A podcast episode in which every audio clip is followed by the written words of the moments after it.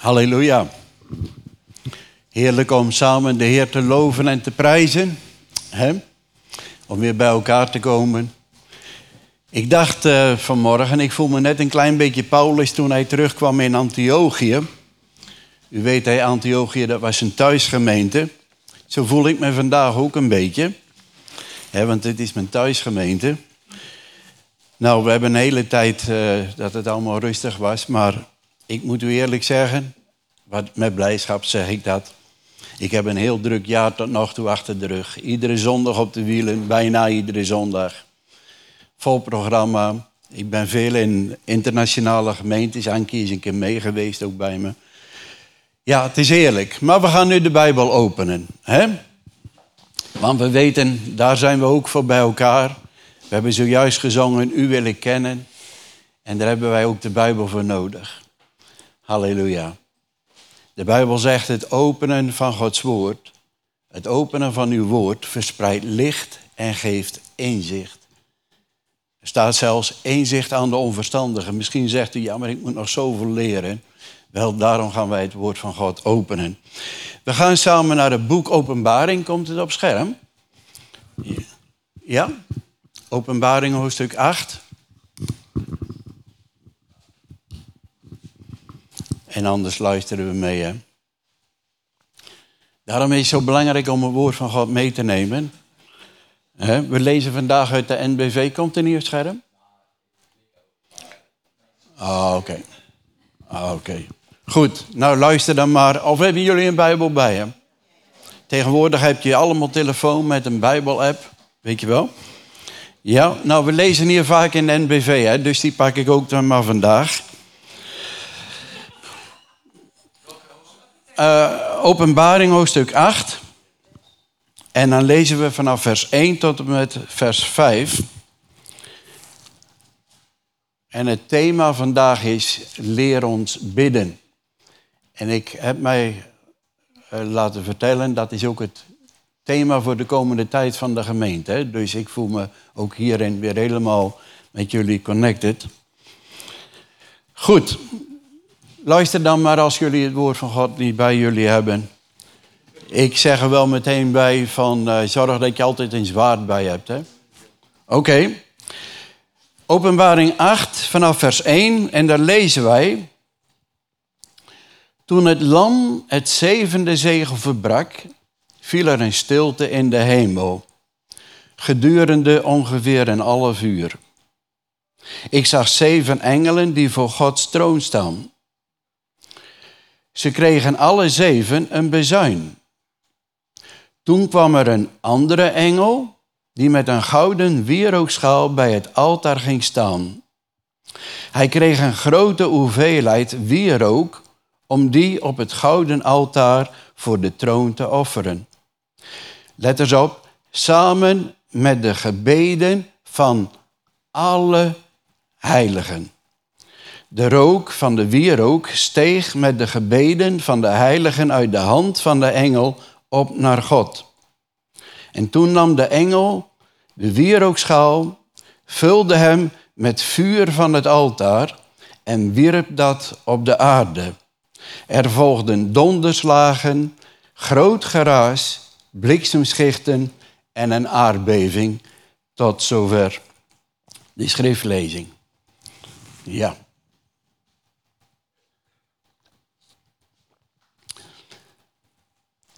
Mijn uh, nadruk wil ik vanmorgen leggen over die engel, waarvan staat geschreven in vers 3. Toen kwam er een andere engel die met een gouden wierookschaal bij het altaar ging staan. En hij kreeg een grote hoeveelheid wierook om die op het gouden altaar voor de troon te offeren.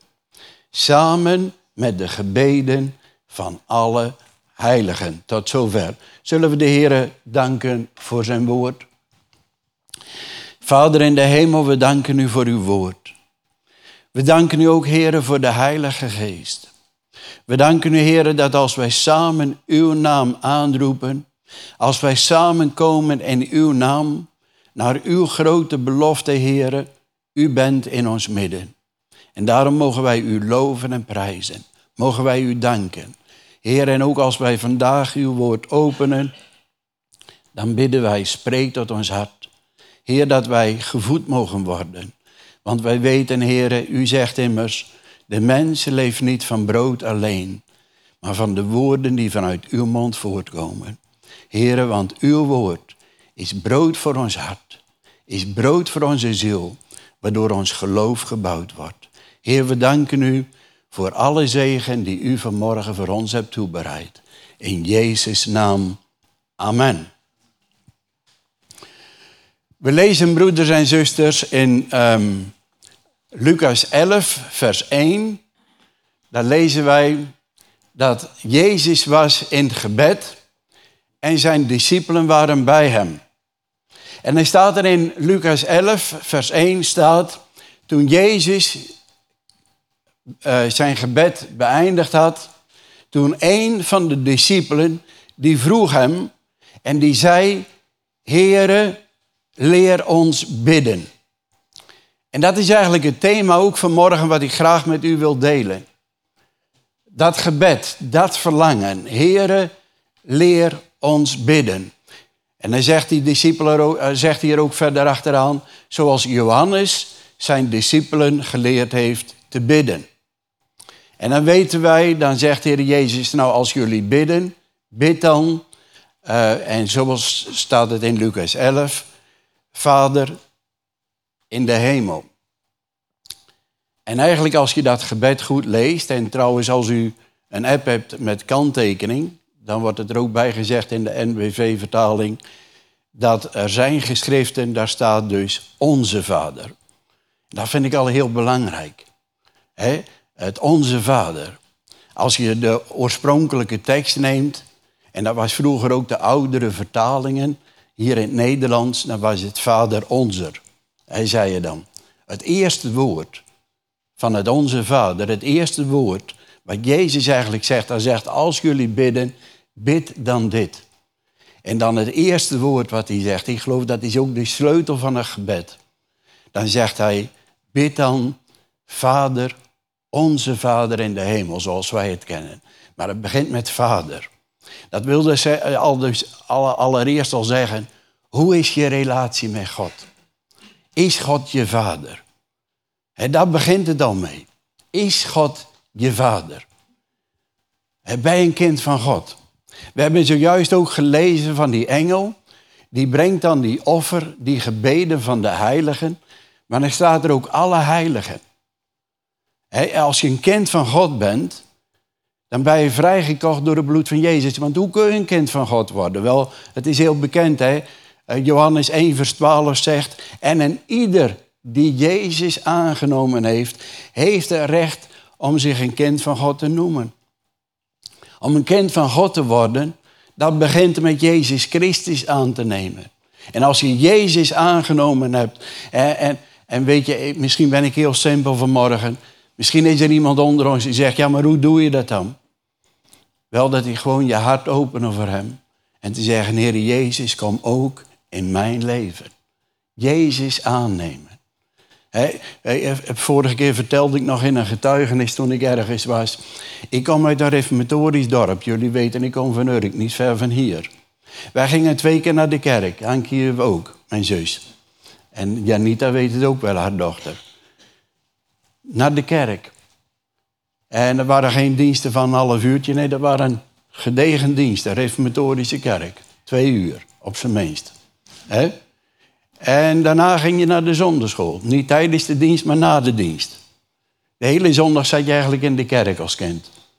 Ik, ik heb er wel eens over nagedacht. Hij ochtends als je opstond, je ging naar de kerk met je ouders. Smiddags naar de zonderschool, dan kwam je thuis, vlug thee drinken van want we moesten weer naar de kerk. En je kwam thuis als klein kind en dan ging je naar boven, naar bed. En later ging je naar de jongelingsvereniging. Eerst naar de knapenvereniging, dan de jongelingvereniging. En daarna de catechisatie. Maar weet je, toen ik twintig jaar was. Want als je aan mij vroeg. Ik kwam uit een sterk reformatorische kerk. En als je mij vroeg toen ik 19 was, tot aan mijn twintigste. Stefan, als het jou was gebeurd, waar ga je naartoe? Weet je wat ik dan zei? Naar de hel. Want dat was namelijk, hè, ik wist geen kind van God te zijn. En weet je, toen ik twintig jaar was, toen was er iemand die mij zei, Stefan, begrijp jij eigenlijk wel wat Jezus aan het kruis heeft gedaan? Ook voor jou. Wel, ik had dat zo vaak gehoord, ik was ermee opgegroeid. En toch had ik het nooit begrepen. Toch had ik het nooit begrepen. En toen mocht ik de Heer Jezus aanvaarden. Toen mocht ik zeggen, Heer Jezus, kom ook in mijn leven. Heel simpel, het was in koude februari, het vroeger, of het was in ieder geval heel koud. Op de dijk, de oude dijk daar op Urk, buiten.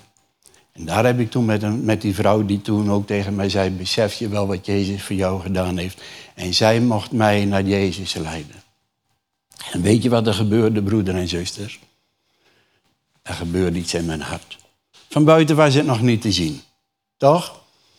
Want ik dacht ook, hoe vertel ik dat mijn familie? Ik wilde de hele wereld wel zeggen, maar hoe kan ik dit aan mijn familie kwijt? He, reformatorische familie, om te zeggen, ik ben nu een kind van God. Wat heeft hij nou weer? Toch? Maar weet je wat de Bijbel zegt? Als je de Jezus aanneemt wat er gebeurt. De Bijbel zegt, zo is wie in Christus is een nieuwe schepping. Amen. Dan word je nieuwe schepping, broeders en zusters. Dan mag je wederom geboren worden. Dan mag je laten dopen. Dan mag je de Heilige Geest ontvangen. Want voor u is de belofte, zegt Petrus. En voor zoveel als de Heer ertoe roepen zal. Halleluja. En dan mag je een nieuw leven ingaan. Hè? Een nieuwe schepping worden. Maar weet je, dan komt toch na die tijd, komt wat eigenlijk vandaag ook ons thema is, dat je dan zegt, ik wil groeien in de Heer. We hebben dat vandaag ook gezongen. Het laatste lied wat we zongen, dat was ook de laatste regels. U wil ik kennen. En weet je, als we vandaag over gebedsleven hebben, ik weet niet hoe het met u is, maar dan moet ik denken aan de woorden van Paulus. Want zo ervaar ik dat zelf ook. Paulus die zegt ergens in Romeinen, hij zegt, want we weten soms niet hoe we bidden moeten. Toch naar behoren. Hij zegt, maar het is de Heilige Geest zelf die ons daarbij helpen zal. Dat zelfs soms kan er een gebed zijn met onuitsprekelijke verzuchtiging. Maar dan is het de Heilige Geest die ons de woorden geeft. Amen. Soms gewoon door openbaring, soms door tongen, of hoe de Heer het ook wil doen in ons leven. Maar wij mogen groeien in gebedsleven. Want broeder en zusters, als we vandaag over bidden hebben, dan wil ik er meteen bij zeggen, want we weten hoe de duivel werkt. De duivel is een aanklager. En de duivel zal misschien ook in uw leven komen. Zo kwam hij in ieder geval, of zo komt hij ook vaak in mijn leven. Dat hij toch vaak in je oor fluistert: ja, je bidden is niet goed. En je bidt niet eh, lang genoeg. En, eh, en je bidt niet goed. Kennen jullie dat of ben ik de enige? Laat nu eens eerlijk zijn. Laat eens zien je hand wie dat wel eens ervaren heeft. Dat er een stemmetje is die zegt, ja, dat is niet goed zoals jij bidt. Weet je, als we vandaag hebben over groeien in gebedsleven, dan bedoel ik niet, want dan kan er misschien nu iemand zeggen, ja, maar daar heb ik al zo weinig tijd voor. Ik heb allemaal kleine kinderen. Mooi, al die kleine kinderen. Maar ze vragen wel tijd, toch? En wat, wat bedoel je nou, broeder? Moeten we nog meer gaan bidden? Nee, daar heb ik het vandaag niet over. Maar ik heb het over groeien in het gebed. Wat is eigenlijk bidden? En wat bedoelen wij met bidden? Ik hoorde een keer een verhaal van, ehm, ehm, eh, van twee jongetjes. Die waren samen in een boom geklommen. Op een weiland. En ze waren in die boom en toen komt er een koe aan. Die hadden ze niet gezien. Maar toen kwam die koe en die stond eronder aan die boom. En die kinderen, ja, je weet als je een klein kind bent met zo'n grote koe, dat is hetzelfde als wij bijvoorbeeld naar een olifant kijken, toch? Voor een klein kind en zo'n grote koe. En ze durfden die boom niet uit. En toen zei dat ene jongetje tegen de ander, wat moeten we doen? Ze waren in paniek en die koe die stond daar. En toen zegt het ene jongetje tegen de ander, laten we gaan bidden. En het jongetje zegt, goed idee. En hij sluit zijn ogen en hij bidt. Heer, zegen deze spijzen. Amen.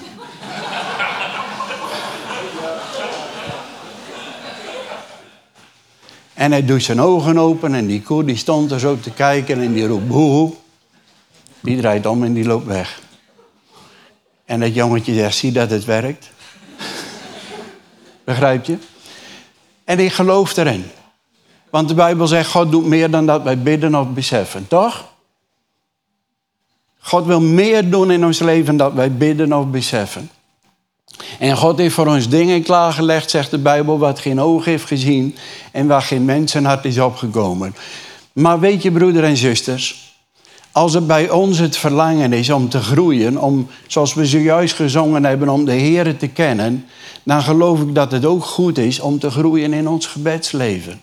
En dan bedoel ik niet groeien dat hij zegt meer belasting op u leggen en zoals de aanklager komt, je doet het niet goed genoeg of, of, of je geeft je tijd niet genoeg in gebed. Daar heb ik het vandaag niet over. Maar God kent ons hart. En laat mij dit zeggen, broeder en zusters. Waar God naar zoekt, dat is oprechte gebeden. Als de Heer Jezus, dat lezen we in Matthäus, als hij dus de discipelen leert te bidden, dan zegt hij ook, en ik denk jullie kennen die teksten wel uit Matthäus 5 en 6 en noem maar op.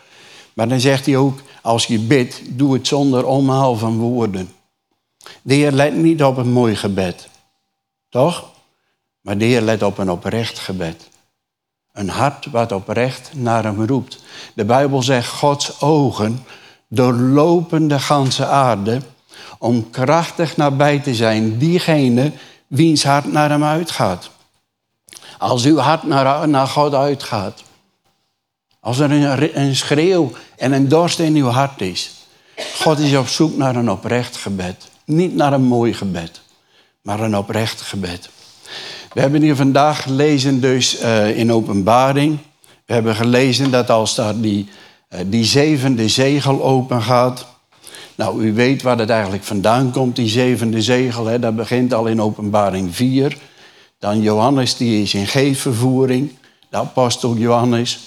En eh, als hij in geefvervoering is, dan krijgt hij een visioen. En dan ziet hij daar een open deur in de hemel.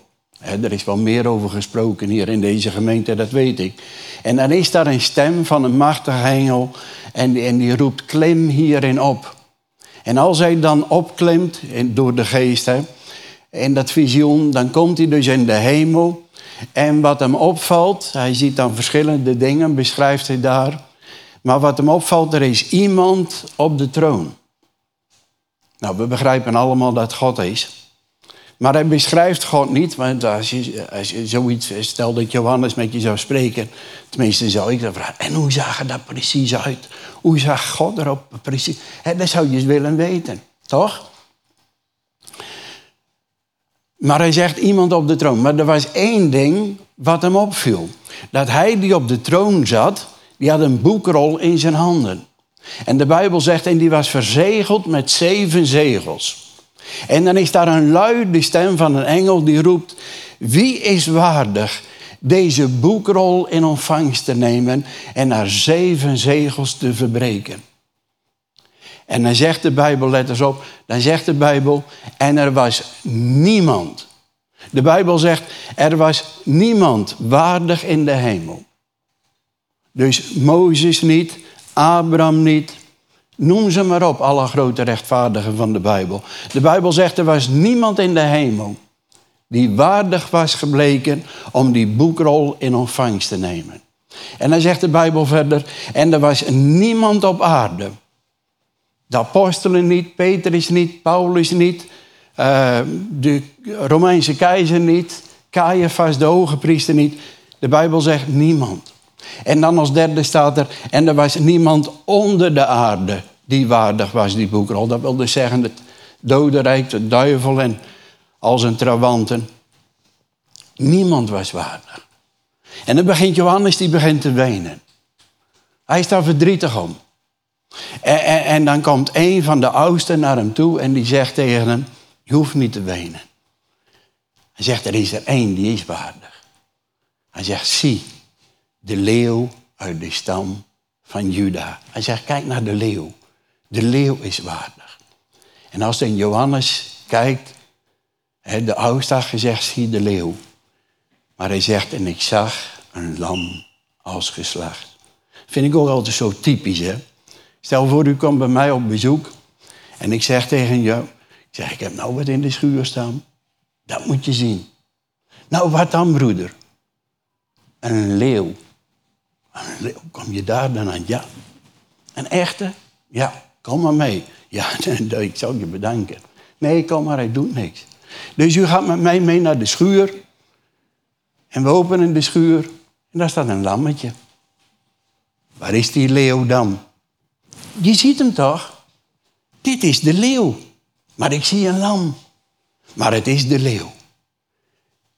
Dat is Jezus Christus. Hij kwam als een dienstknecht. Maar hij was de zoon van God. Amen. Hij kwam als een dienstknecht. Maar hij was de koning der koningen. Maar ik geloof dat hij ook de gemeente. Misschien zijn we voor de wereld niks.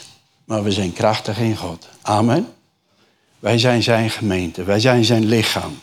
De gemeente, weet je, God die gebruikt niet uh, om zijn heerlijkheid openbaren uh, koningen of een geweldig leger, maar hij gebruikt zijn heiligen. Toch? We hebben zojuist gehad over onze vader. Laat me dat even af, afsluiten allereerst. Als God je vader is. Maar we hebben vandaag gelezen de gebeden der heiligen. Als je een kind van God bent, vrijgekocht met het bloed van Jezus, het heilig bloed van Jezus, dan word je ook door God heilig verklaard.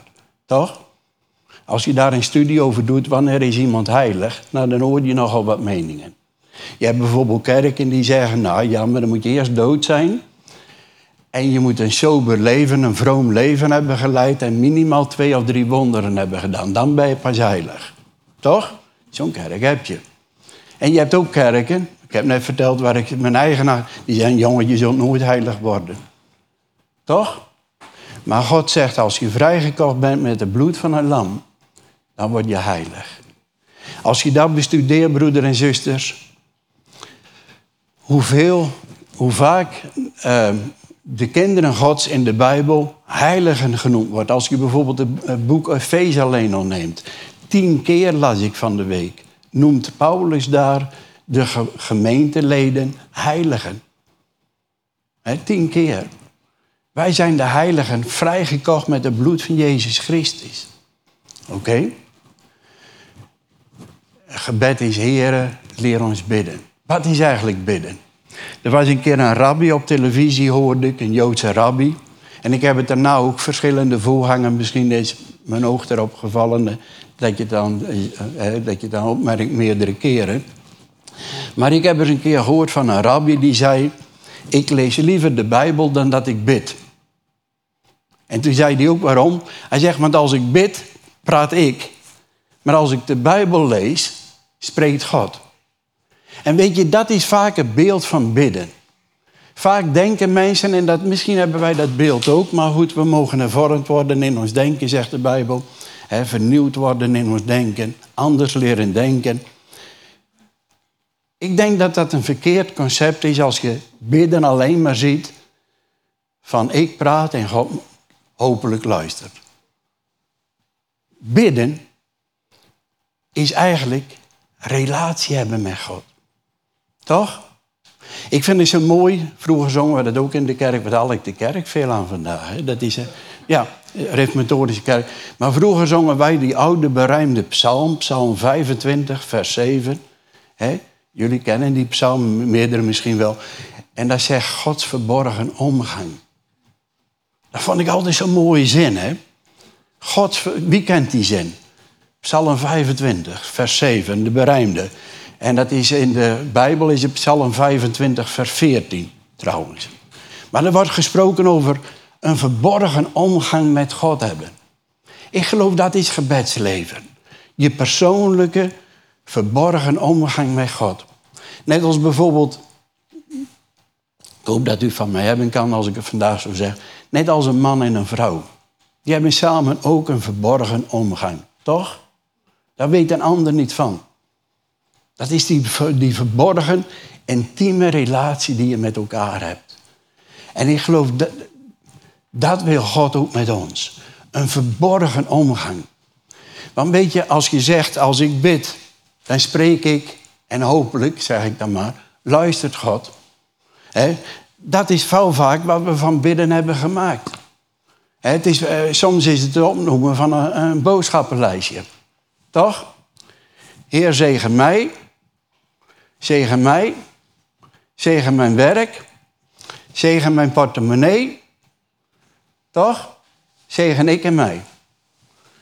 Maar als jullie straks het Onze Vader gaan bestuderen, en dat heb ik gehoord, dat ligt in de komende. Weet je dat je daar het woordje mij niet in tegenkomt in het Onze Vader? Dan is het ons. Onze Vader. God is onze Vader. Broeder en zusters, besef dat. Als wij over God spreken, het is onze Vader. Wij zijn broeders en zusters van elkaar. Ik heb hier met Paas, uh, uh, Goede Vrijdag ook mogen spreken in uw midden. Nou, was alleen de camera dan. En hopelijk hebben jullie thuis gekeken. Maar toen heb ik gesproken over ons paaslam. We hebben iets gemeenschappelijk. Jezus Christus is ons paaslam. En God is onze vader. Dat delen wij samen met elkaar. En dat is zo mooi en dat is zo belangrijk. Bidden is niet een boodschappenbriefje. Ah, Alleen maar zeggen van ik spreek en God luistert. Nee, bidden is meer. Stel je voor, ik bel u op. U neemt op, u weet niet dat ik er ben. Tenzij dat u nummer dingen hebt, maar goed. En ik... Boom. Andere dag pak ik weer. En ik doe mijn verhaal en ik gooi daar. Dus eens, eenzijdig. Begrijp je? Is dat een goed telefoongesprek? Telefoongesprek, dan verwacht je toch dat je met elkaar even fijn kunt praten. Ik geloof sowieso ook het gebedsleven. We hebben van, vanmorgen hebben we ook liederen gezongen waarin naar voren kwam... Heer, naar u wil ik luisteren. Spreek tot mij, hebben we ook gezongen in een lied. Dat we God de ruimte geven dat, dat Hij kan spreken tot ons. Dat is zo belangrijk. Nou, ik ga weer even terug naar openbaring. Ik wil het niet te lang maken vandaag. Maar we lezen dus in openbaring hè, dat als uh, die zegels, hè, ik heb net verteld van die boekrol. En als Jezus die boekrol in ontvangst neemt, en dan worden die zegels verbroken. En iedere keer komt iets van die boekrol komt het uiting. En vandaag hebben wij dus gelezen Openbaring 8, vers 1. En daar staat dan, toen de zevende zegel verbroken werd van die boekrol. En de Bijbel zegt daar, toen kwam daar een, een, een stilte in de hemel. Ik geloof, broeders en zusters, dit was, zoals ze tegenwoordig wel eens zeggen, een kantelmoment. Er gebeurt iets in de hemel. En dan wordt er gesproken over, en daar stonden de zeven engelen. He, er staat niet engelen, maar de zeven engelen staat daar, die voor Gods troon staan. En die kregen, na dat half uur, kregen ze een bazuin. Hadden ze nog niet, ze stonden daar wel, maar ze kregen een bazuin. Eigenlijk kregen die engelen een andere taak. Want die zeven engelen die voor Gods troon staan, die worden meer in de Bijbel aangehaald. Denk bijvoorbeeld aan, uh, want daar zie je eigenlijk openbaring 8 echt in de realiteit. En dat is bijvoorbeeld in Lucas 1.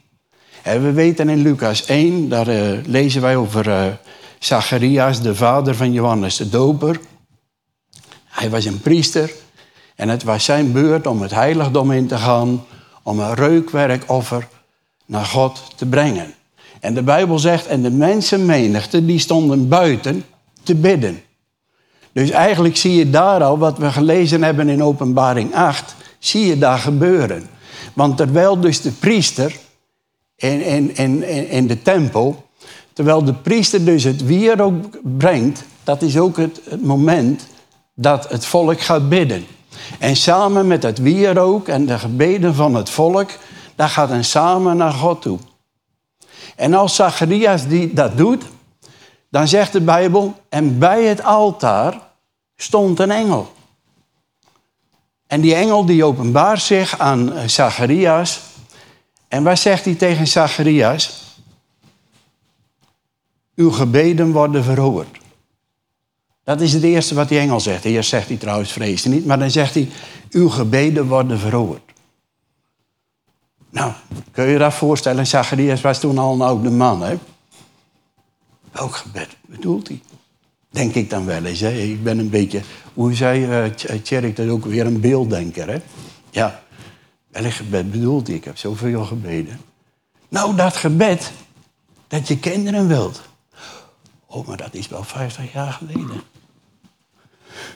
Toch? Maar die engel zegt dat gebed is bij God nooit vergeten. We hebben vandaag ook gelezen, broeders en zusters, dat die engel, die brengt de gebeden van alle heiligen. Als u een kind van God bent, misschien zijn er ook gebeden dat u zegt, ik heb dit wel eens gebeden, maar ik heb nog geen verhoring gehad. Maar weet je, de Bijbel zegt, God hoort elk gebed. En God is een kenner van uw hart. Misschien wordt ieder gebed niet verhoord. Of laat ik het anders zeggen, het wordt wel verhoord, maar misschien niet helemaal zoals jij het wil. Als bijvoorbeeld mijn kleinzoon, die is acht, als die vraagt naar de autosleutels, dan zeg ik nee. Dus er is wel een verhoring, want ik zeg nee. Toch? Wij denken vaak, als het ja is, dan is er gebedsverhoring. En als het nee is, dan zeg je, ja, God die hoort. Nee, God die zegt nee. Toch? Dat kan wel eens gebeuren. Een andere, wat ook kan gebeuren, zegt de Bijbel, de Bijbel leert ons wel, als wij bidden naar Gods wil. Dat wil zeggen, het moet wel een wens zijn die helemaal in lijn ligt, zodat we tot onze bestemming komen. Toch? God heeft een bestemming voor u, God heeft een bestemming voor mij. En als ik bijvoorbeeld ga bidden van Heer, ik bid vandaag voor, nou hoeveel heb ik nodig? 90 miljoen. Toch? Waarvoor broeder? Nou, voor een, voor een jacht. Snap je? Dan denk ik dat de Heer niet gauw ja zal zeggen. Misschien zegt hij wel trouwens, maar. Maar niet voor een jacht. Toch? Begrijpt u? De Bijbel leert ons wel bidden naar zijn wil. En als wij, daarom is zo, we hebben vanmorgen het lied gezongen, u willen kennen, Heer. Dat wij zijn wil kennen. En ik geloof als wij naar de wil van God bidden, amen, dan zal er ook verhoring zijn. Want waarom, broeders en zusters, en dat wil ik tot slot zeggen, waarom is bidden zo belangrijk? Heb je wel eens gehoord van, nou ja, als God het wil, dan krijg ik het wel. Toch? Als God dat wil, dan krijg ik het wel. Dan hoef ik er eigenlijk niet om te bidden. Wel, weet je, ik heb wel eens gezegd, misschien heel simpel. Maar we hebben allemaal wel eens gehoord over subsidie, hè? huursubsidie of eh, andere vormen van subsidie. Maar weet je wat subsidie eigenlijk is in Nederland? Je hebt er recht op, maar je moet het wel aanvragen. Begrijp je? En zo is bidden ook. Je hebt er recht op, maar je moet er wel op aanvragen. Want weet je, broeder en zusters, als wij bidden, dan geven wij daarbij God legaal de ruimte in de geestelijke wereld om ook in te grijpen. God zegt immers, roep mij aan en ik zal antwoorden. Hij wacht erop. Als wij zelf doormodderen, God zal ons respecteren. Maar als wij zeggen, Heer, kom in deze situatie, help mij erbij, dan geven we hem ook legaal de ruimte. Begrijpt u? Daarom is bidden zo belangrijk. Daarom geloof ik, broeder en zusters, het thema wat gekozen is voor het komende seizoen, dat we daarin mogen groeien. Dan zullen jullie het samen hebben, heb ik begrepen, over het Onze Vader. Hè? Wel, ik zei vanmorgen tegen, tegen jou, Thijs, dat Onze Vader, dat is zo mooi. Want eigenlijk ieder woord van het Onze Vader, daar kun je wel een preek over houden. En dat zei ik vanmorgen. Hè? Misschien een beetje overdreven, maar, maar er zit toch heel veel in. Ik heb wel eens uh, dat ik dacht, ik ga spreken over het Onze Vader. Wel, laat mij zeggen, ik kwam vaak niet verder dan Onze Vader. Want dan ga je eerst uitleggen waarom God je vader is. En waarom het zo belangrijk is dat je hem als vader kent. Maar dat je ook inziet dat het onze vader is. Want daarin zie je eigenlijk ook uh, wat in Genesis, hè? Genesis al na de zondeval. De eerste keer als God komt, Dan zegt hij tegen Adam, Adam, waar ben je? Hij, hij is op zoek naar Adam, hij wil die relatie met Adam hebben. Maar de tweede keer als God verschijnt, dat is bij Kain, dan zegt hij, Kain, waar is je broeder? Waar is je broeder? He? Waar ben jij en waar is je broeder? Kunnen wij vandaag zeggen, onze vader. Hij wil vandaag al onze vader zijn. Wacht niet tot je zegt, nou, we zullen het in de rest van, de, van het seizoen wel zien. Nee, God wil vandaag al uw vader zijn. En dat wij, net als in openbaring, ik kom helemaal niet aan mijn tekst toe, openbaring om het helemaal. Maar er is zoveel moois in. Mag ik nog even een nadenkertje? Eh, ik hou ervan even een beetje huiswerk. Hè? Een beetje dat je zegt, nou daar kan ik mijn tanden in zetten. Ik hoorde van de week een preek. En het maakte mij een beetje opstandig. Ik denk, wat zou die nou bedoelen? Want dat ging ook over onze vader die in de hemel zei. Toen zei die prediker, die zei, weet je dat God eigenlijk niet eens in de hemel is? Dan denk je, nou wat zeg je nou?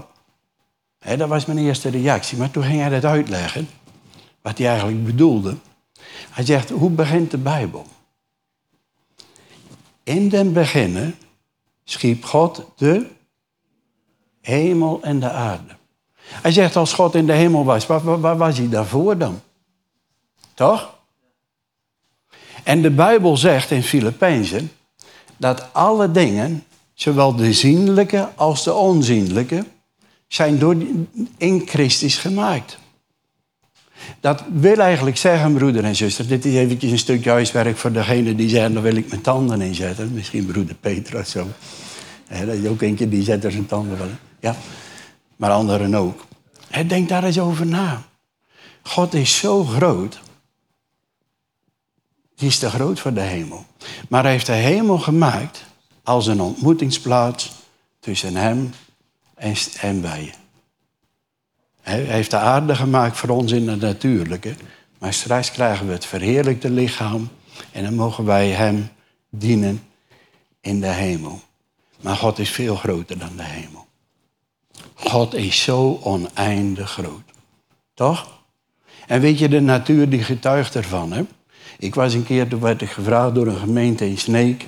En toen vroegen ze mee te helpen een jeugdgroep op te zetten. En toen hadden we een, de eerste of de tweede avond, toen kwam er een vraag. Die jongeren kunnen soms van die diepe vragen stellen. En die vroeg mij, wat is nou eigenlijk het nut van het heelal? Waarom moet het heelal zo groot zijn? Want weet je, er zijn eh, planeten die zijn zo gigantisch groot. Ik ben de namen even niet kwijt, misschien kennen jullie die planeten wel. Dat is de, als je die planeet ziet, dan de zon is daar een speldeprik bij. Zo groot zijn die planeten. En, die zijn zo geweldig groot. En toen vroeg hij, waarom heeft God eigenlijk het heelal geschapen? Nou, op dat moment, ik was er niet op voorbereid, maar toen ben ik erover gaan nadenken. En weet je, de Bijbel zegt in Psalm, ik dacht dat Psalm 19 is, de hemel verkondigen zijn eer. Toch? En zijn heerlijkheid. En we weten, het heelal is oneindig groot. Zo groot is onze God. Die is oneindig. Want hij is de schepper van al die dingen. En weet je, die grote God wil relatie hebben met ons. Toch? En weet je wat ik zo mooi vind? Tegenwoordig praten ze over de nanotechniek. Dat is het kleinste, dat is zo klein, dat kun je eigenlijk met je, met je ogen niet zien. Maar als je nou hebt over die grote planeten, of je kijkt in, in het nano, overal zie je de principes van God terug. Is dat niet geweldig? God is heel groot, maar tegelijkertijd kan hij werken in het kleinste van het kleinste. En te midden van dit alles heeft hij gezegd, weet je wat we doen? Dat lezen we in Genesis. Hij zegt, wij gaan mensen maken naar ons beeld en onze gelijkenis. Ik heb pas een jonge broeder, die was in nood. En die vroeg mij eigenlijk, wat is eigenlijk het uh, nut van het leven? En toen zei ik hem ook, ik zei, weet je, God heeft ons gemaakt om de hemel te vullen. Maar stel voor dat de mensen niet was. Dan was God daar met de Heer Jezus en gouden hemel, gouden straat en alles mooi goud. Toch? Maar wij waren er niet. En zou het er toch een lege boel zijn? Ja, er waren de engelen, maar dat zijn de dienaren. Maar weet je, God heeft gezegd, ik ga die hemel vullen. Laat ons mensen maken naar ons beeld en onze gelijkenis. De bruid van Christus. Nou, daar komen we in de toekomst misschien nog wel eens op terug.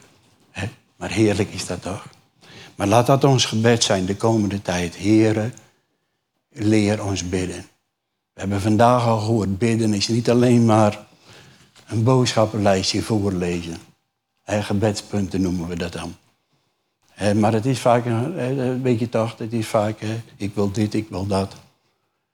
Onze wenslijst. Maar ik geloof, bidden is gemeenschap hebben met onze hemelse Vader. Heren, leer ons bidden. Amen.